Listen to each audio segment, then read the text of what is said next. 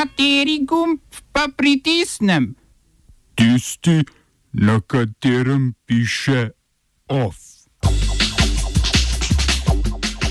Na sirskih parlamentarnih volitvah pričakovana zmaga stranke Bašarja al-Asada. Ameriške oblasti odredile zaprtje kitajskega konzulata v Houstonu.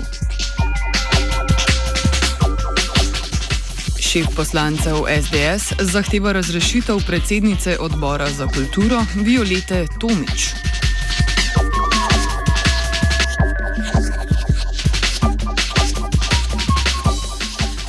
Znani so rezultati nedeljskih parlamentarnih volitev v Siriji.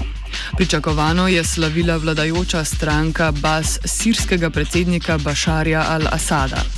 Ta je z zavezniškimi sateliti na volitvah nastopila pod sloganom, sloganom Narodna enotnost, skupaj pa so osvojili 177 sedežev v 250 članskem sirskem parlamentu.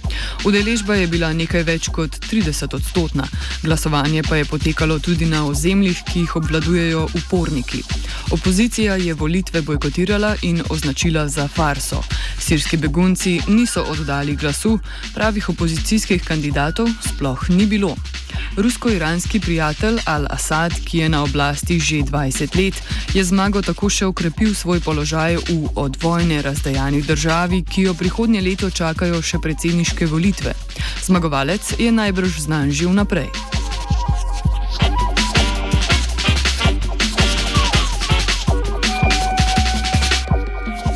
Poslanci v francoskem senatu so sprejeli zakon, ki naj bi omogočil lažjo prepoznavo nasilja v družini, posledično pa tudi hitrejše ukrepanje zoper njega. Zdravniki bodo v skladu z na novo sprejeto zakonodajo lahko prekršili načelo zaupnosti in tajnosti med zdravnikom in pacijentom ter oblastem naznanili sum družinskega nasilja, če ga bodo zaznali pri pacijentu. Hkrati so zakonodajalci povečali nekatere kazni, ki se nanašajo na nasilje v družini. To vrstna deviantna dejanja so se še pomnožila in, inter, in intenzivirala v času karantene zaradi epidemije novega koronavirusa. V Franciji se je denimo v prvih desetih dneh strogih ukrepov število prijav nasilja med štirimi stenami povečalo za 30 odstotkov.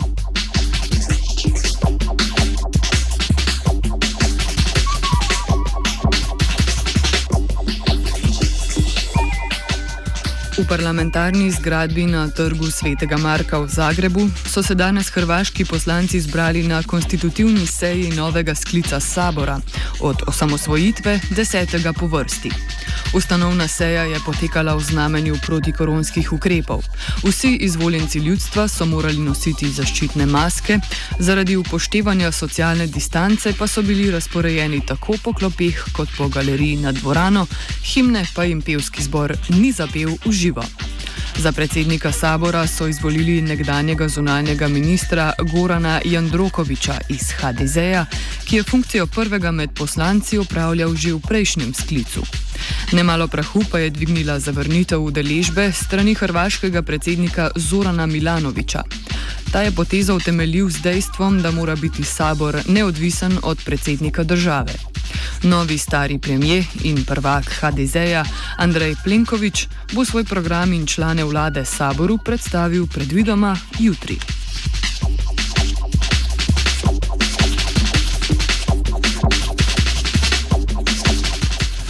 Ameriške oblasti so odredile zaprtje kitajskega konzulata v Houstonu v zvezdni državi Teksas. Poteza, ki je razburila kitajsko zunanje ministrstvo in poslabšala že tako načete odnose med vele silama, ima temelje v ameriško-kitajski trgovinski vojni in krajah ameriške intelektualne lastnine ter različnih tehnologij strani kitajskih podjetij. Na ameriškem zunanjem ministrstvu so povedali, da so zaprtje konzulata zahtevali prav zato, da bi zaščitili ameriško intelektualno lastnino in zasebne podatke ameriških državljanov. Kitajska mora konzulat v Teksasu zapreti v 72 urah, še pred objavo uradnih izjav zunanjih ministrstv obeh držav, pa so kitajski diplomanti pritegnili pozornost houstonskih gasilcev s sežiganjem svojih dokumentov na dvorišču zgradbe konzulata. Kitajska ima poleg veleposlaništva v Washingtonu v ZDA še štiri konzulate. Ni pa jasno, zakaj je ameriška vlada zahtevala zaprtje konzulata prav v Houstonu.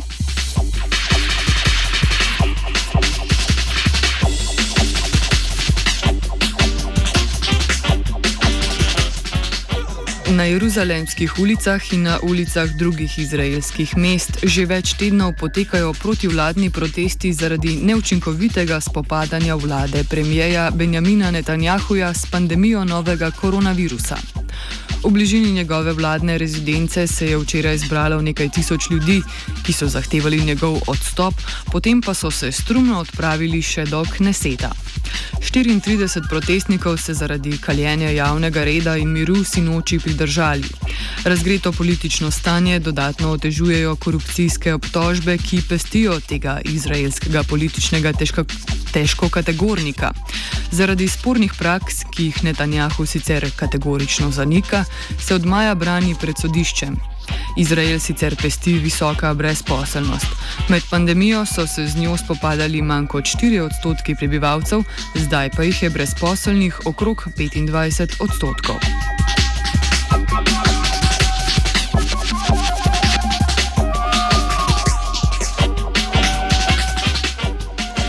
V nemški deželi Baden-Württemberg so oblasti prepovedale popolno zakrivanje obraza v šolah za vse, kar za vse, kar v praksi pomeni prepoved nošenja burk ali nikabov tudi za učenke, potem ko je prepoved za učiteljice že bila uvedena. Deželni premijer iz vrst zelenih Winfried Krečman meni, da to vrstno pokrivanje ne sodi v odprto družbo, to pa je v nasprotju z mnenjem zelenih na zvezdni ravni. Prepoved sicer velja le za osnovne in srednje šole, medtem ko bo popolno zakrivanje obraza še mogoče na univerzah in visokih šolah. Pravila v zvezi z nošenjem obraznih tančic so v Nemčiji stvar regionalne politike, tako da se zakonodaja med deželami razlikuje.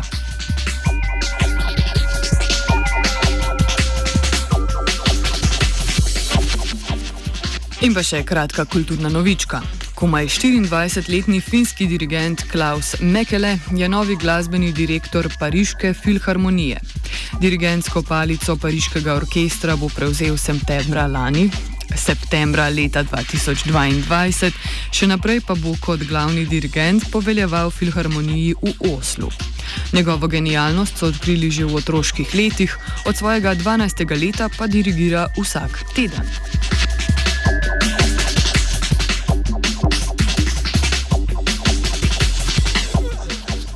Vodstvo priljubljenega družabnega družbenega omrežja Twitter je sporočilo, da bo suspendiralo uporabniške račune, ki čivkajo in posredujejo vsebine povezane s QAnon, desničarsko internetno skupnostjo teoretikov zarod. Kalifornijsko internetno podjetje bo poleg tega ponovem blokiralo internetne naslove povezane s QAnon in ne bo več priporočalo računov in objav prežetih s tovrstnimi teorijami. Ukrepi naj bi vplivali na okrog 150 tisoč računov, nujno potrebni pa so, ker lahko tako internetno vedenje privede do nasilja izven varnega pristana čukališča.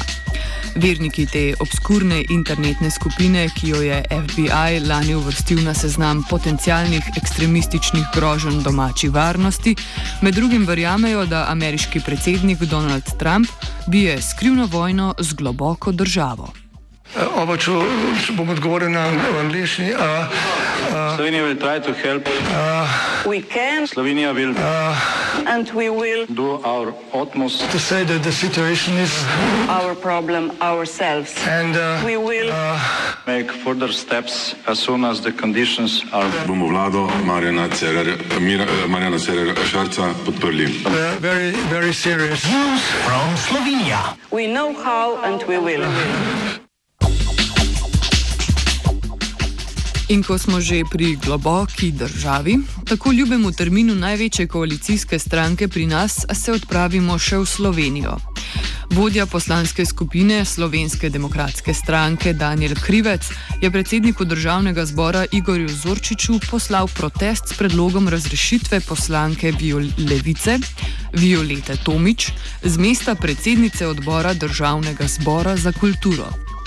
Krivca in ostale poslance Janševe stranke je razjarilo Tomičino vodenje sej odbora za kulturo. Njihov bes pa je kulminiral in na in po seji odbora pretekli teden, ko so razpravljali o spremembah zakona o RTV, ki se obetajo.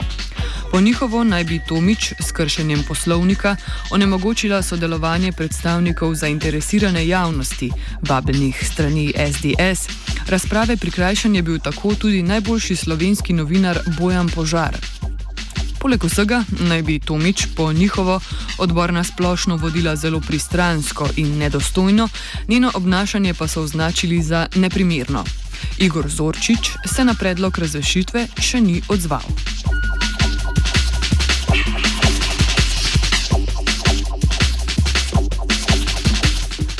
OF je pripravil URH.